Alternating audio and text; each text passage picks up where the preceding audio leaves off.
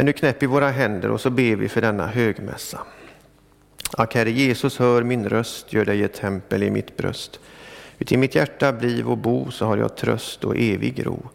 Nu tackar vi dig Herre för att solen ännu går upp över denna stad, att du ger oss en möjlighet att få samlas kring ditt ord och dina sakrament. Och vi ber att ditt ord ska får förkunnas rent och klart i denna stad idag, i våra bygder och ut över vårt land. Vi ber för alla som inte kan ta sig till kyrkan idag, att du ska vara med dem där de sitter.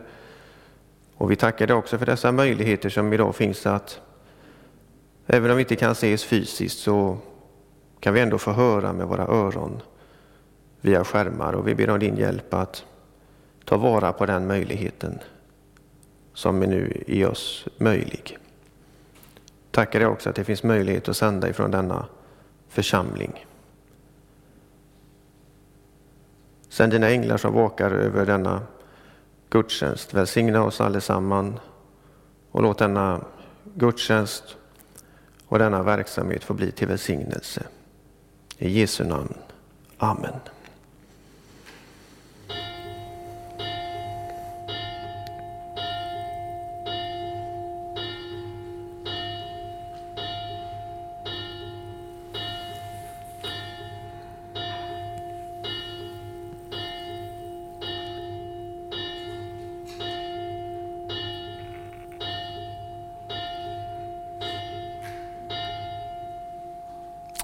Så börjar vi vår högmässa med att sjunga psalm 138, verserna 1 och 2.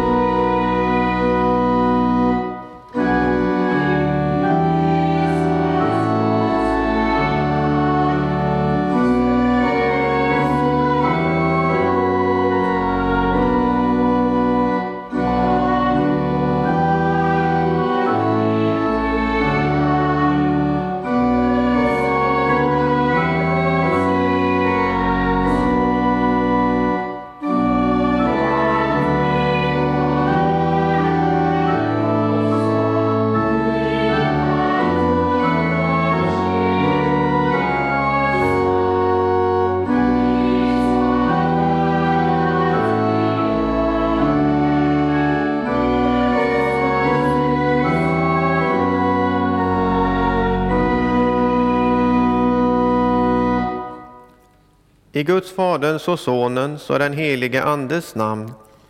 Rena, och Gud, våra hjärtan och samveten, så att din Son när han kommer till oss må i våra hjärtan finna en beredd boning genom samme din Son, Jesus Kristus, vår Herre. Amen.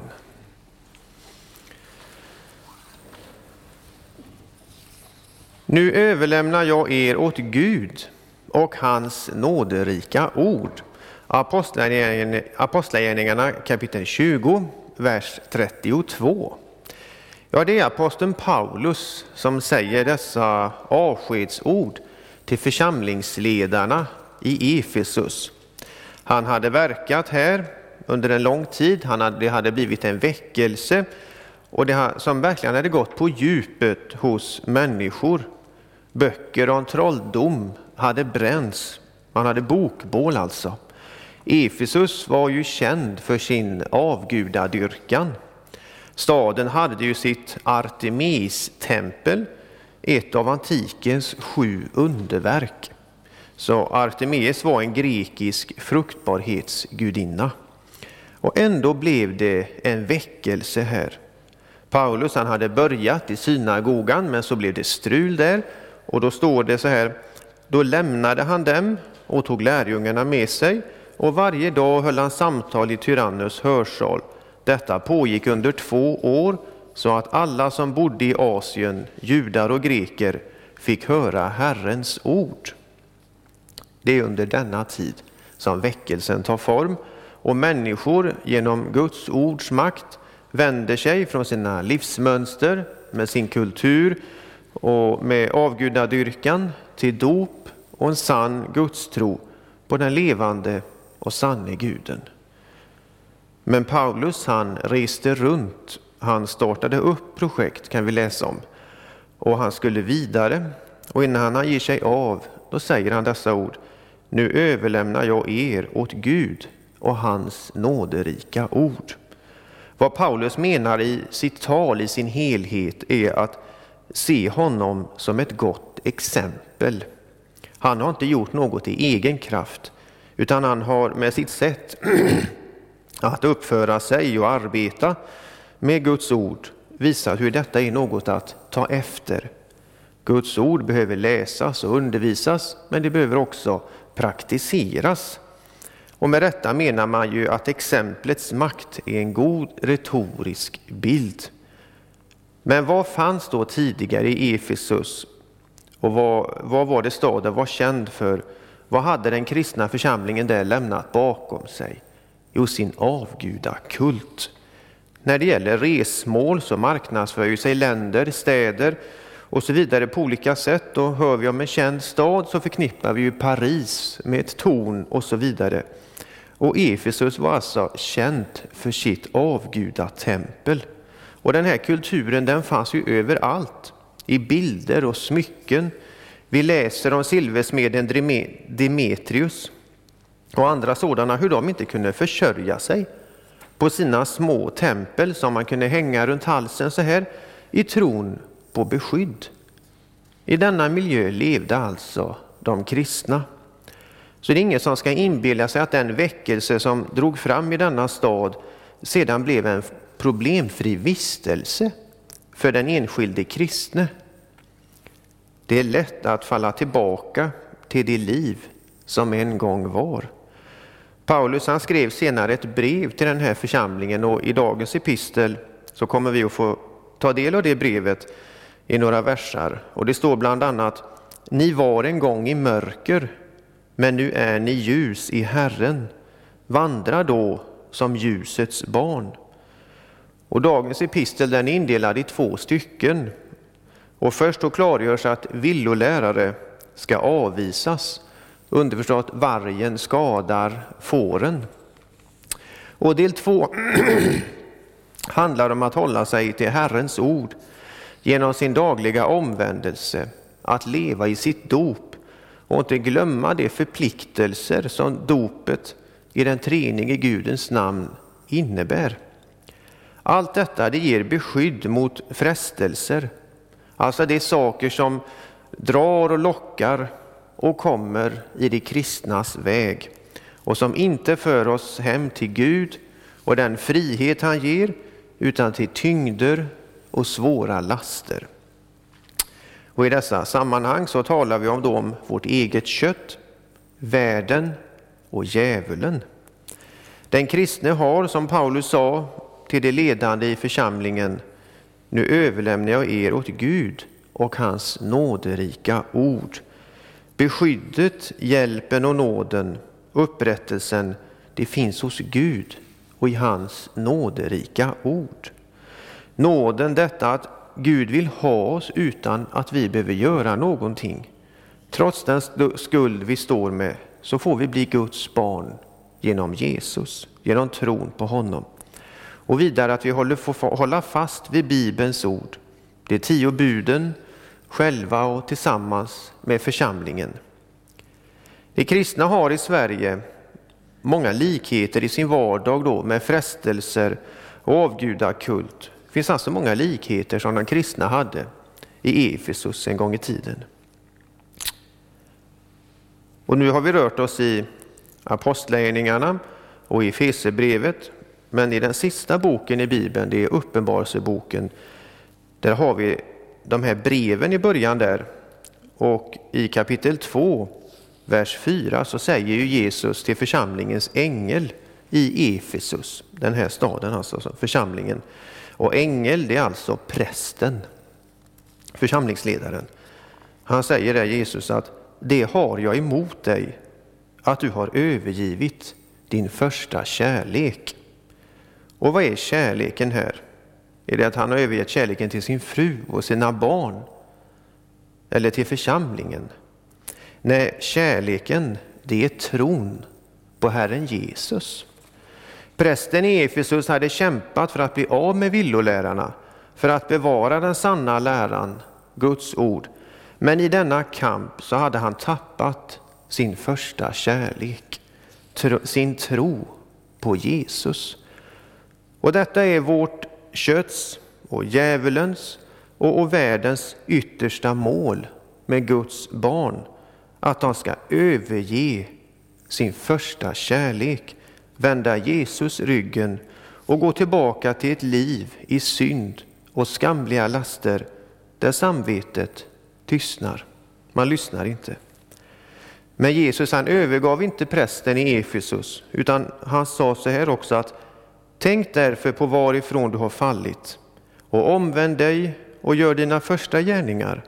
Annars om du inte omvänder dig ska jag komma över dig och flytta din ljusstake från dess plats. Här ser vi att Guds nåd är var morgon ny. Och det gäller ju även oss idag. Samtidigt så innebär nåden att en människa behöver bryta med sitt tidigare liv och sker inte detta så kan det gå så långt att Guds tålamod tar slut. Och då är det som det stod här, att han kan faktiskt flytta sin ljusstake. Och innebörden i orden flytta din ljusstake från dess plats, det är förmodligen bland några av de allvarligaste orden vi har från Jesus, eller från Gud till oss människor i Bibeln. Så det är bra att vara skärpt och ha koll på vad som är vad i samhälle och i kyrka. Men lika viktigt är att man inte glömmer sin egen omvändelse och det ord som förde till tro och som bevarar tron på Jesus. Eller det som Paulus sa i sitt avskedstal. Nu överlämnar jag er åt Gud och hans nåderika ord. Låt oss bekänna.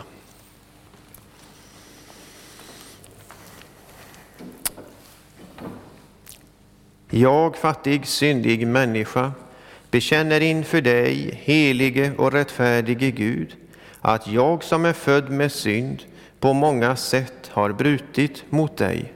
Jag har inte älskat dig över allting och inte min nästa som mig själv. Mot dig och dina bud har jag syndat med tankar, ord och gärningar.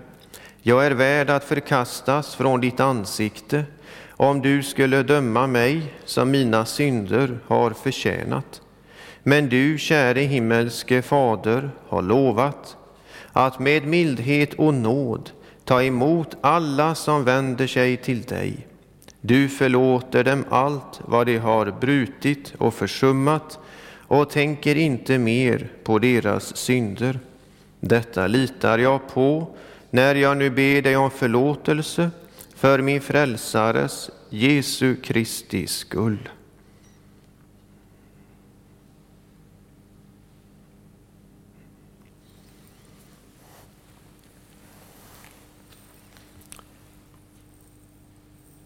Begär du dina synders förlåtelse för Jesu Kristi skull, så är du i kraft av Guds ord och löfte fast och visst att Gud av nåd förlåter dig dina synder.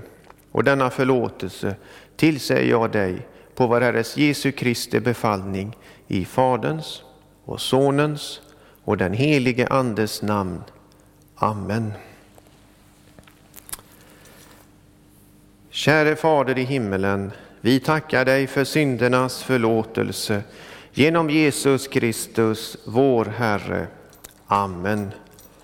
Helige Herre Gud, helige starke Gud, helige barmhärtige frälsare, du evige Gud, förbarma dig över oss.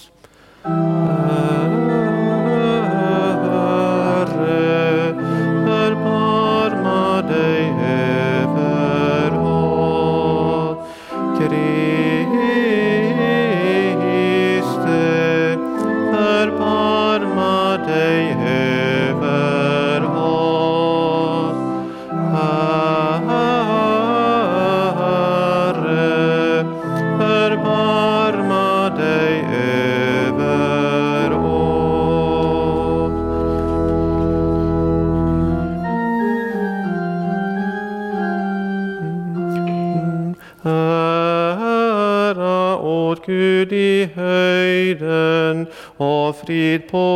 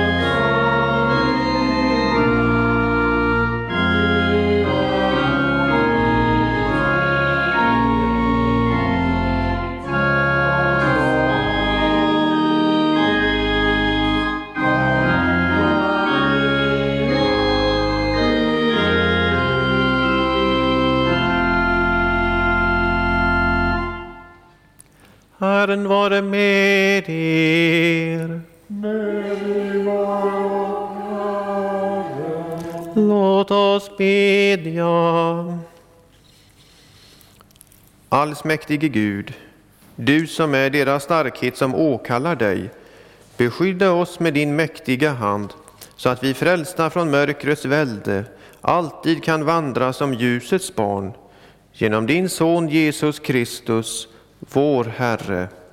Amen.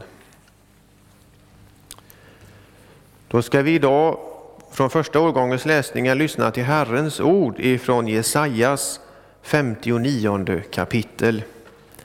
Rättvisan trängs tillbaka, rättfärdigheten står långt borta, ja, sanningen vacklar på torget, det som är rätt kan inte komma fram, sanningen har försvunnit, och den som vänder sig ifrån det onda blir eh, plundrad. Detta såg Herren och de missagade honom att ingen rättvisa fanns. Han såg att ingen trädde fram, han förundrade sig över att ingen grep in. Då hjälpte honom hans egen arm och hans rättfärdighet understödde honom. Han klädde sig i rättfärdighet som i ett pansar och satte frälsningens hjälm på sitt huvud. Han klädde sig i hämndens dräkt lik som i en livklädnad och svepte in sig i nitälskan som i en mantel. Och dagens epistel är från Efesebrevets femte kapitel. Ni ska veta att ingen otuktig eller oren eller girig, en sådan är en avgudadyrkare, ska ärva, Guds, ska ärva Kristi och Guds rike. Låt ingen bedra er med tomt prat.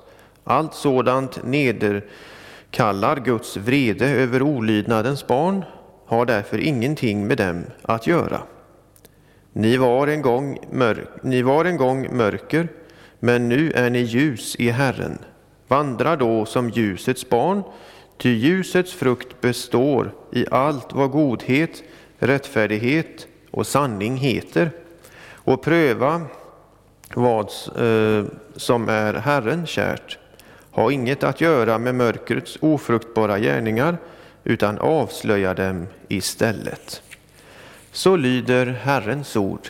Gud, vi tackar dig. Och så sjunger vi psalm 536.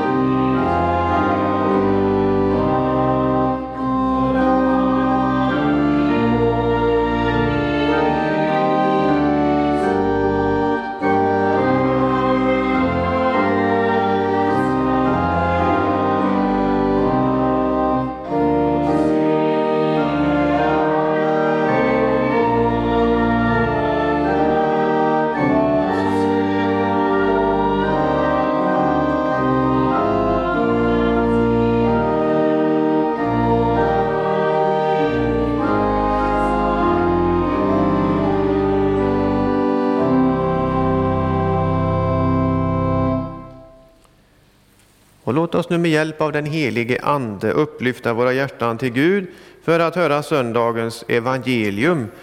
Det är från Lukas elfte kapitel. Jesus drev vid ett tillfälle ut en ond ande som var stum.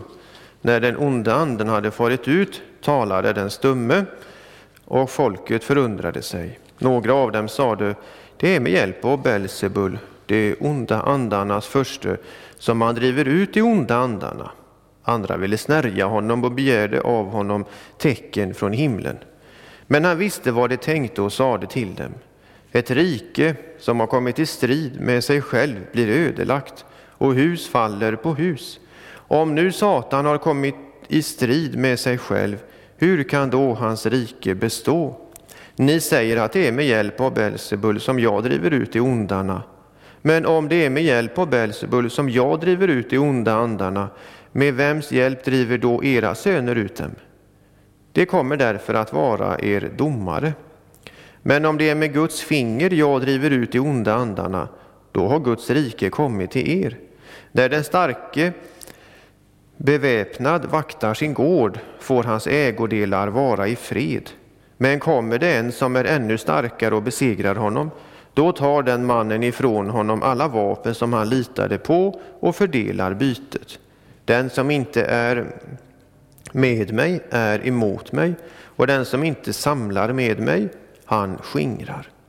När en oren ande har farit ut ur en människa vandrar han genom ökentrakter för att leta efter en viloplats. Men om han inte finner någon tänker han, jag vill vända tillbaka till mitt hus som jag lämnade. När han så kommer och finner det städat och pyntat ger han sig av och tar med sig sju andra andar som är värre än han själv, och de går in och bor där. För den människan blir det sista värre än det första. Då Jesus sade detta ropade en kvinna i folkskaran Saligt är det moderliv som har burit dig och saliga det bröst som du har diat. Han sade, säg hellre, saliga är de som lyssnar till Guds ord och bevarar det. Så lyder det heliga evangeliet. Lovad vare du, Kristus. Och låt oss nu högt och gemensamt bekänna vår kristna tro. Vi tror på Gud Fader allsmäktig, himmelens och jordens skapare. Vi tror och på Jesus Kristus, hans infödde Son, vår Herre, vilken är avlad av den helige Ande, född av jungfru Maria, pinad under Pontius Pilatus, korsfäst, död och begraven, nederstigen till dödsriket, på tredje dag uppstånden igen ifrån de döda, uppstigen till himmelen, sittande på allsmäktig Gud Faders högra sida, därifrån igenkommande till att döma levande och döda. Vi tror och på den helige Ande, en helig allmännelig kyrka, det heligas samfund, syndernas förlåtelse, det dödas uppståndelse och ett evigt liv. Och så sjunger vi psalm 568, verserna 2 och 3. Thank you.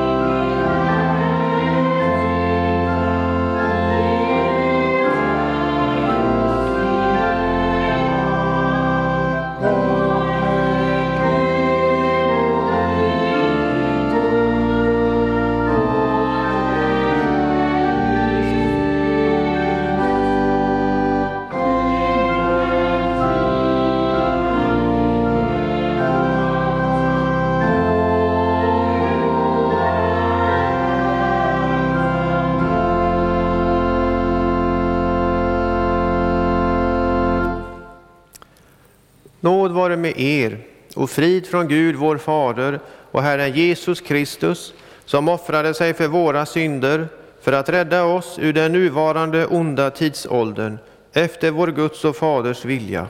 Honom tillhör äran i evigheternas evigheter. Amen. I Andra Korintierbrevets femte kapitel och den sjunde versen så skriver Paulus vi lever här i tro utan att se. Vi lever här i tro utan att se. Idag är det en allvarlig text som Lukas återspeglar för oss. Och det som lyser igenom och ligger som ett fundament till att inte tro på Jesus, det är otro. I Bibeln finns otron uttryckt både bland de som tror och de som inte tror. När otro nämns om de som tror handlar det om en svag tro, nästan att likna vid ett handikapp. När otro nämns om det som inte alls tror på Gud handlar det alltså om ett, då handlar det om ett förakt.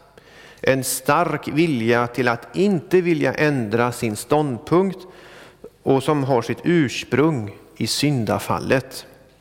Och det är den gruppen som vi idag möter i texten och predikan kommer till stor del att uppehålla sig kring detta. Och vi ska stanna upp inför otrons konstaterande och att det här föraktet det behöver bemötas och vidare om otrons konsekvenser men som också besegras av Guds nåd. Och det första det är otrons konstaterande. Ja, idag möter vi återigen en berättelse eh, som vid den tiden innebar ett offentligt konstaterande att Guds goda makt på ett mycket konkret sätt visade sig ute bland det judiska folket. En ond ande hade drivits ut och den stumme personens tunga hade släppts och, och ljud av ord och tal och sång kunde komma genom den munnen. Och ett sådant bevittnande det är naturligtvis inte lätt att bortförklara. Men det var inte den tidigare stumme som, eh, och besatte som ifrågasattes. Nej, utan istället så angreps nådens källa, Jesus själv. Istället för att ödmjuka sig, försöka samla sig och göra någon form av analys av det här, Eh, som i grund och botten är något gott som har skett och som har skett flera gånger tidigare. Men det goda det angreps med det onda och man sa bland annat det är med hjälp av Belsebul, de onda andarnas förste, som han driver ut de onda andarna. Det är ju en fruktansvärd kommentar. Så, och den är även rent retoriskt mycket vilseledande. När Guds goda makt handlar i kärlek och visar sin överlägsenhet mot det onda, ja då vänder man på det och menar att det onda agerar över det onda och därigenom försöker man då förblinda människor den här folkhopen då.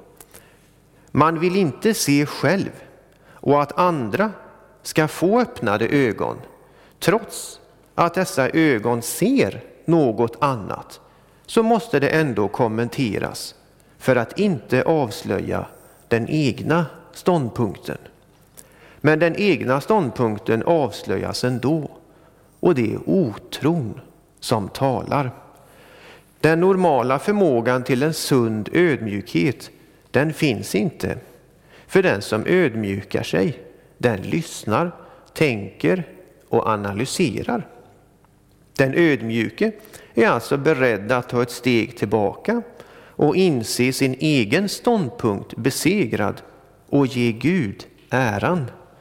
Otron vill inte möta Gud, vill inte ge honom rätt, utan ha sin egen bild av vad som är rätt och förbli i mörker och som då också blir en sanningsbild för den människan eller den gruppen av människor. Det andra i predikan är att otron behöver tillbakavisas. Lukas nämnde alltså hur det fanns en folkgrupp som bevittnade händelsen och de hörde den här ordväxlingen mellan Jesus och hans anklagare. Vi ser att Jesus inte förblev tyst inför det han anklagades, utan han visade på ett enkelt sätt hur argumenten mot hans goda gärning inte håller. Jesus vänder på sina motståndares tankar och applicerar det på dem själva. Jesus anklagades för att stå i förbund med det onda. Den som hör sådana kommentarer kan då omedvetet eh, vilseledas i sin egen tankebana och tro att Jesus, som i detta fall, eh, skulle stå i förbindelse med det onda.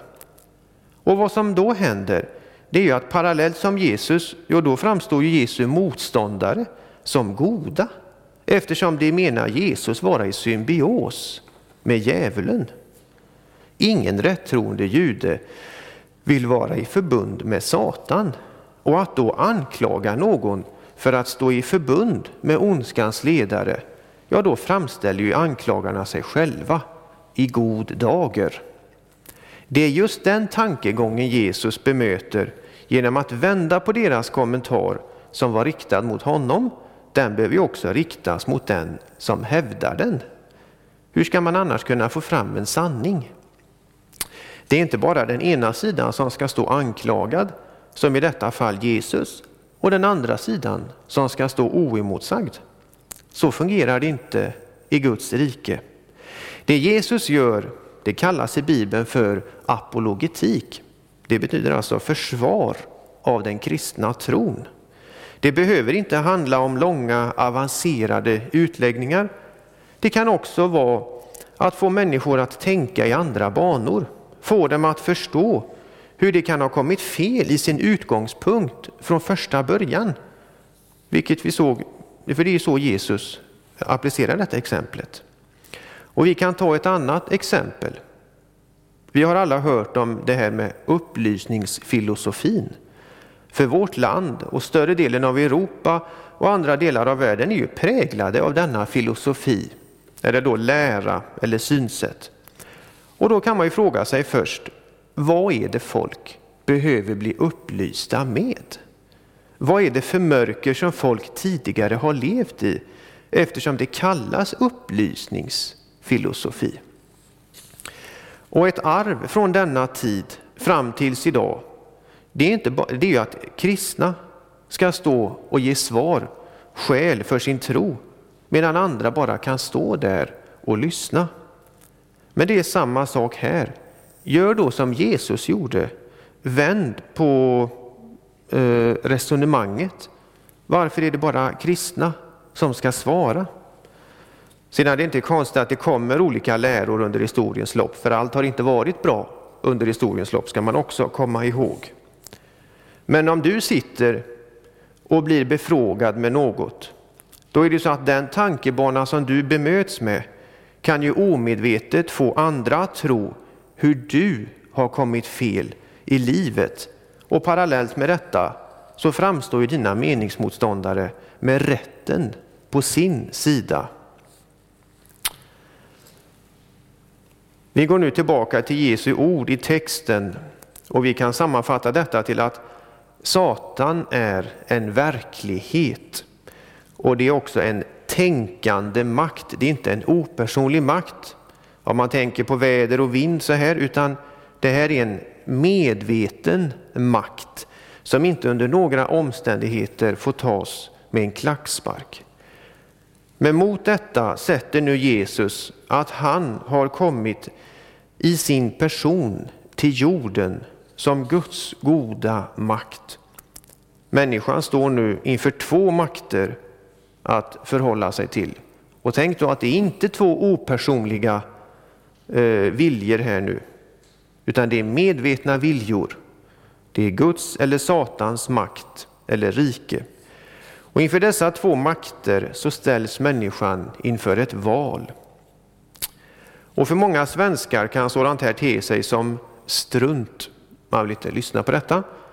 Men om vi tittar i andra kulturer, där är ju begreppet om onda makter. Det är helt naturligt. Och då återigen, varför har svensken rätt?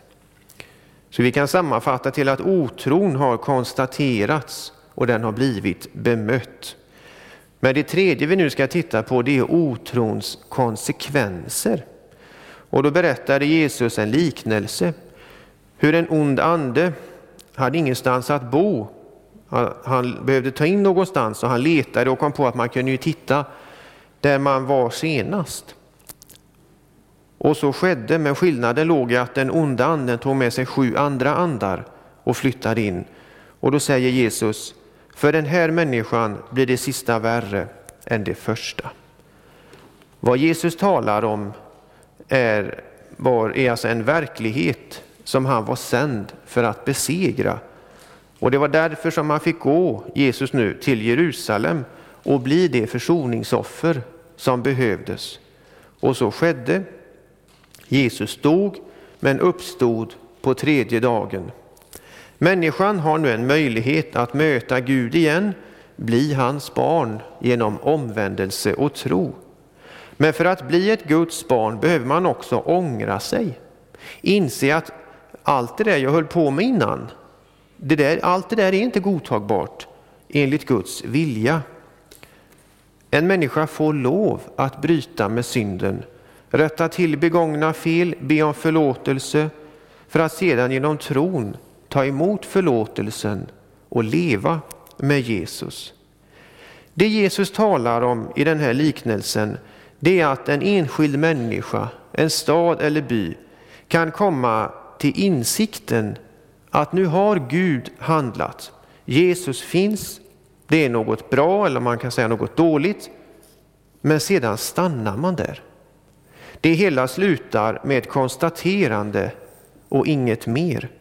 Och då uteblir omvändelsen och tron.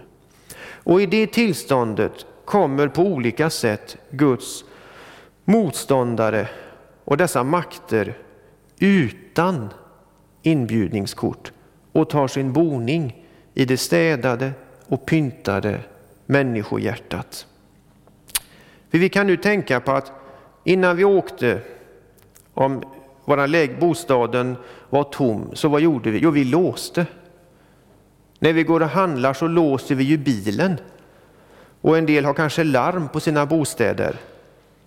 Men det Jesus menar i texten är att det hjälper inte här. De här makterna kommer att komma ändå.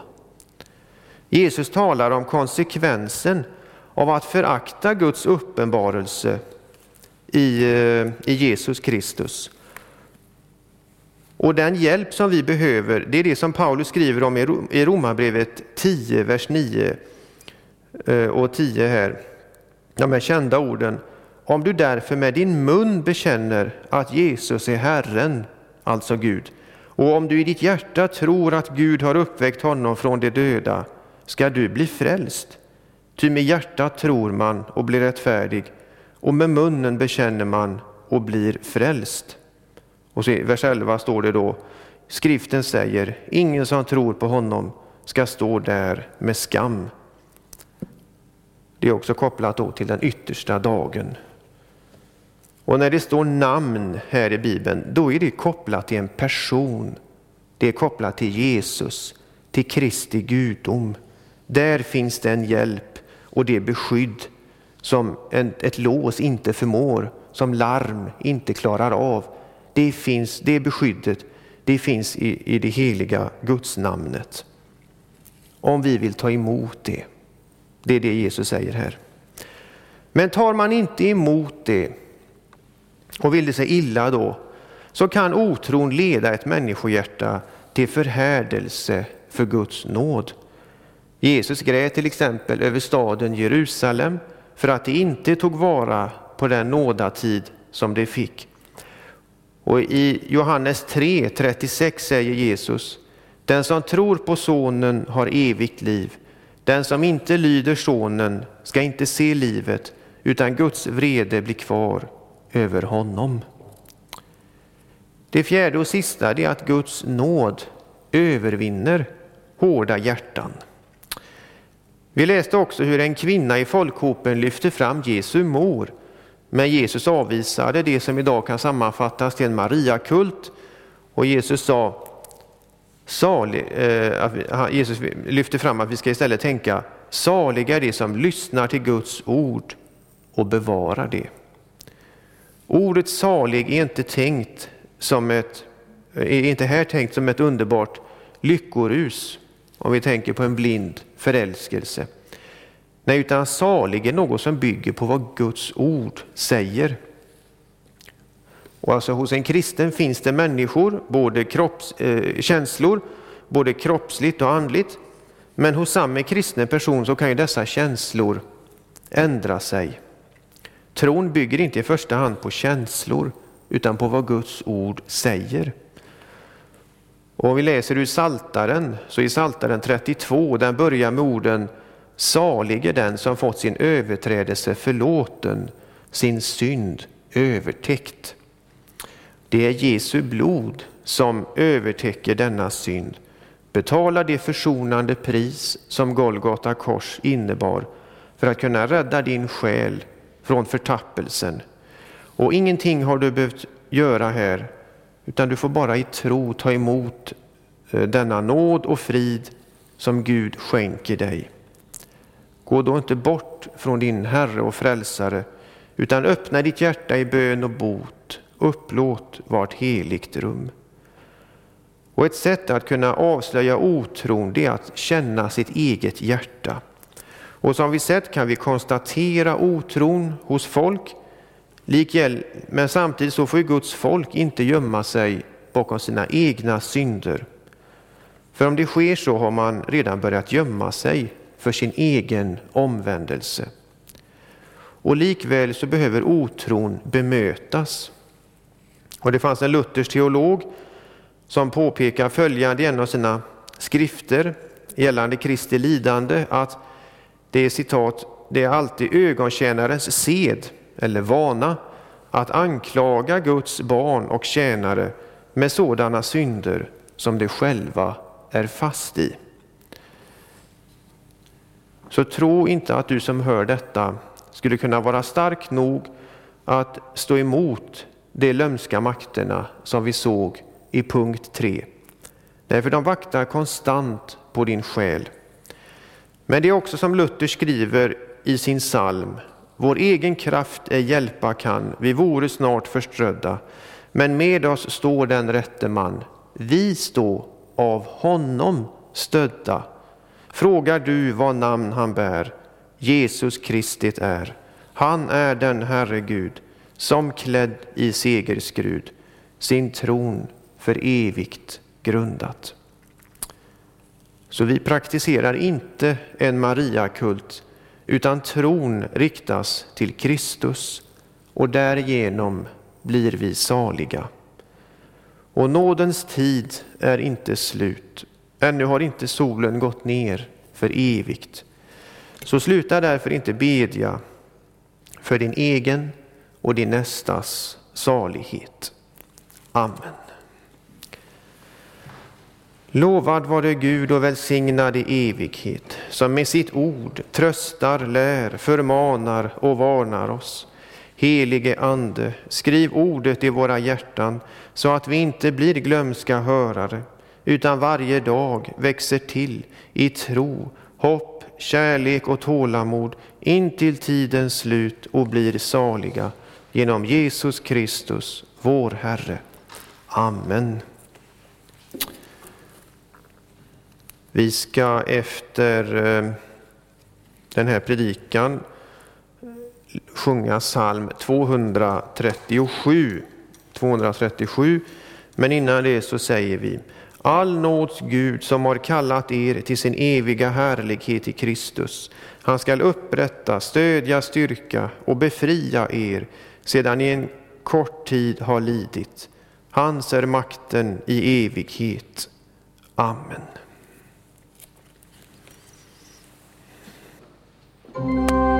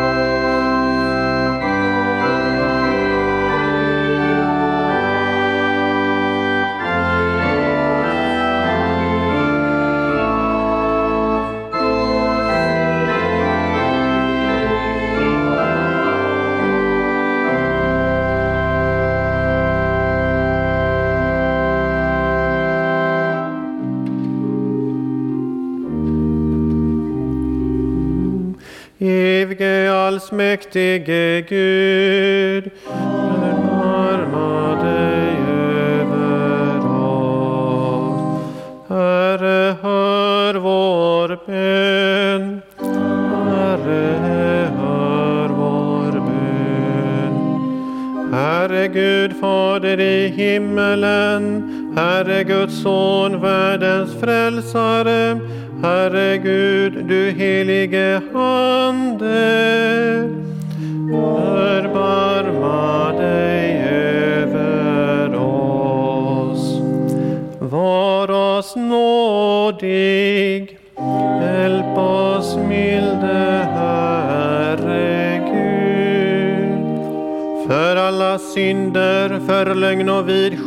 vidskepelse, för allt ont, för djävulens grymhet och list, för pest och hungersnöd, för krig och världsbrand, för ondskans makter i himlarymderna, för uppror och splittring, för eld och våda, för ond bråd död, för den eviga döden.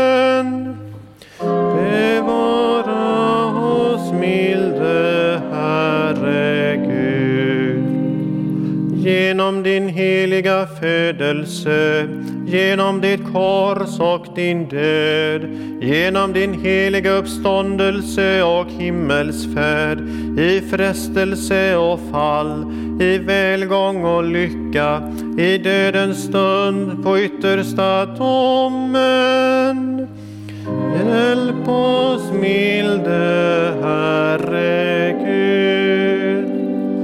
Vi arme syndare beder dig att du leder och bevarar din heliga kristna kyrka, att du sänder trogna arbetare i din skörd, att du med ordet giver din ande och kraft, att du gör ditt namn känt i hela världen, att du enar alla trogna så att det blir en jord och en herde.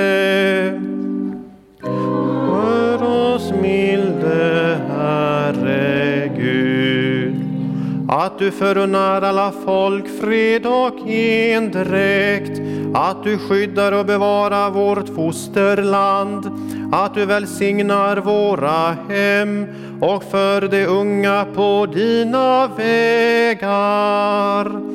Hör oss milde Herre Gud, att du tröstar alla bedrövade och svårmodiga, att du undsätter alla dem som är i nöd och fara, att du vederkvicker och hjälper alla sjuka, att du välsignar allt gott verk, att du förbarmar dig över alla människor, att du nådigt hör vår bön.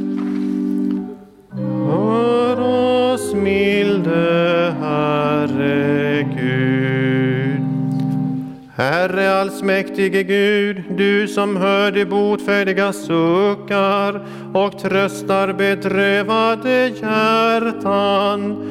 Hör den bön som vi i vår nöd bär fram och hjälp oss så att allt det onda som djävulen, världen och vi själva tillfogar oss genom din Andes kraft blir till intet gjort. Så vill vi frälsta från allt ont i din församling alltid tacka och lova dig. Genom Jesus Kristus vår Herre. Amen.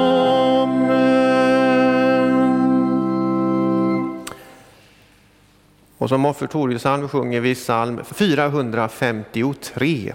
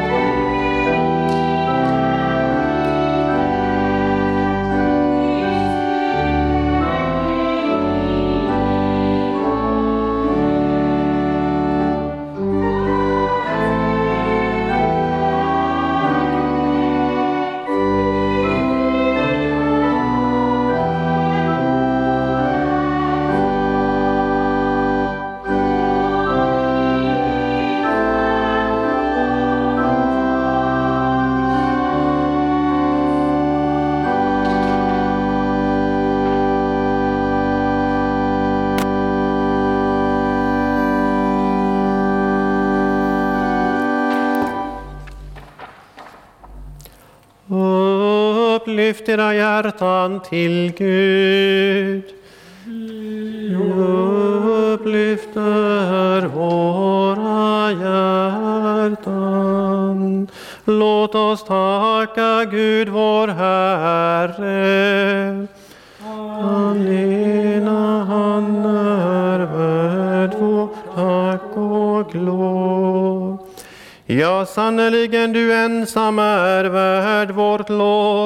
Allsmäktige Fader, helige Gud, dig vill vi prisa och välsigna genom Jesus Kristus, vår Herre. Han gick lidandet och lydnadens väg för att den som tror på honom skall vara räddad från död till liv. Och i sin nattvard ger han oss det yttersta beviset på sin kärlek. Därför vill vi med dina trogna i alla tider och med hela den himmelska härskaran prisa ditt namn och tillbedjande sjunga.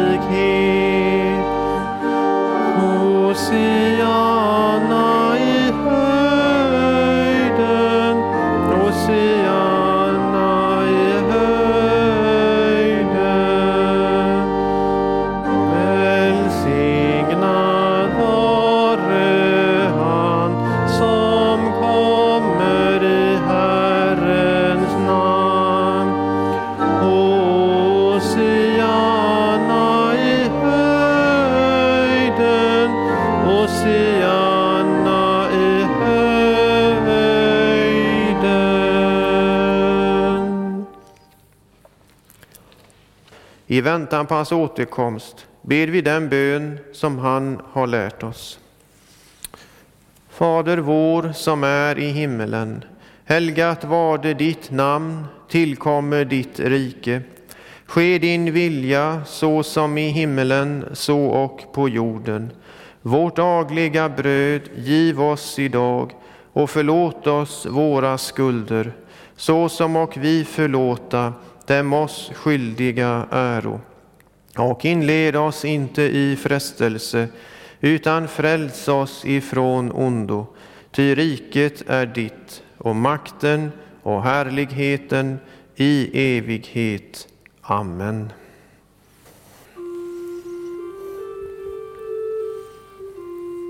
Låt oss tacka och lova Herren. Herren vare tack och lov. Halleluja, halleluja, halleluja. Tag emot Herrens välsignelse. Herren välsigne er och bevare er. Herren låte sitt ansikte lysa över er och vare er nådig. Herren vände sitt ansikte till er och give er frid. I Faderns och Sonens och den helige Andes namn. Amen, amen, amen.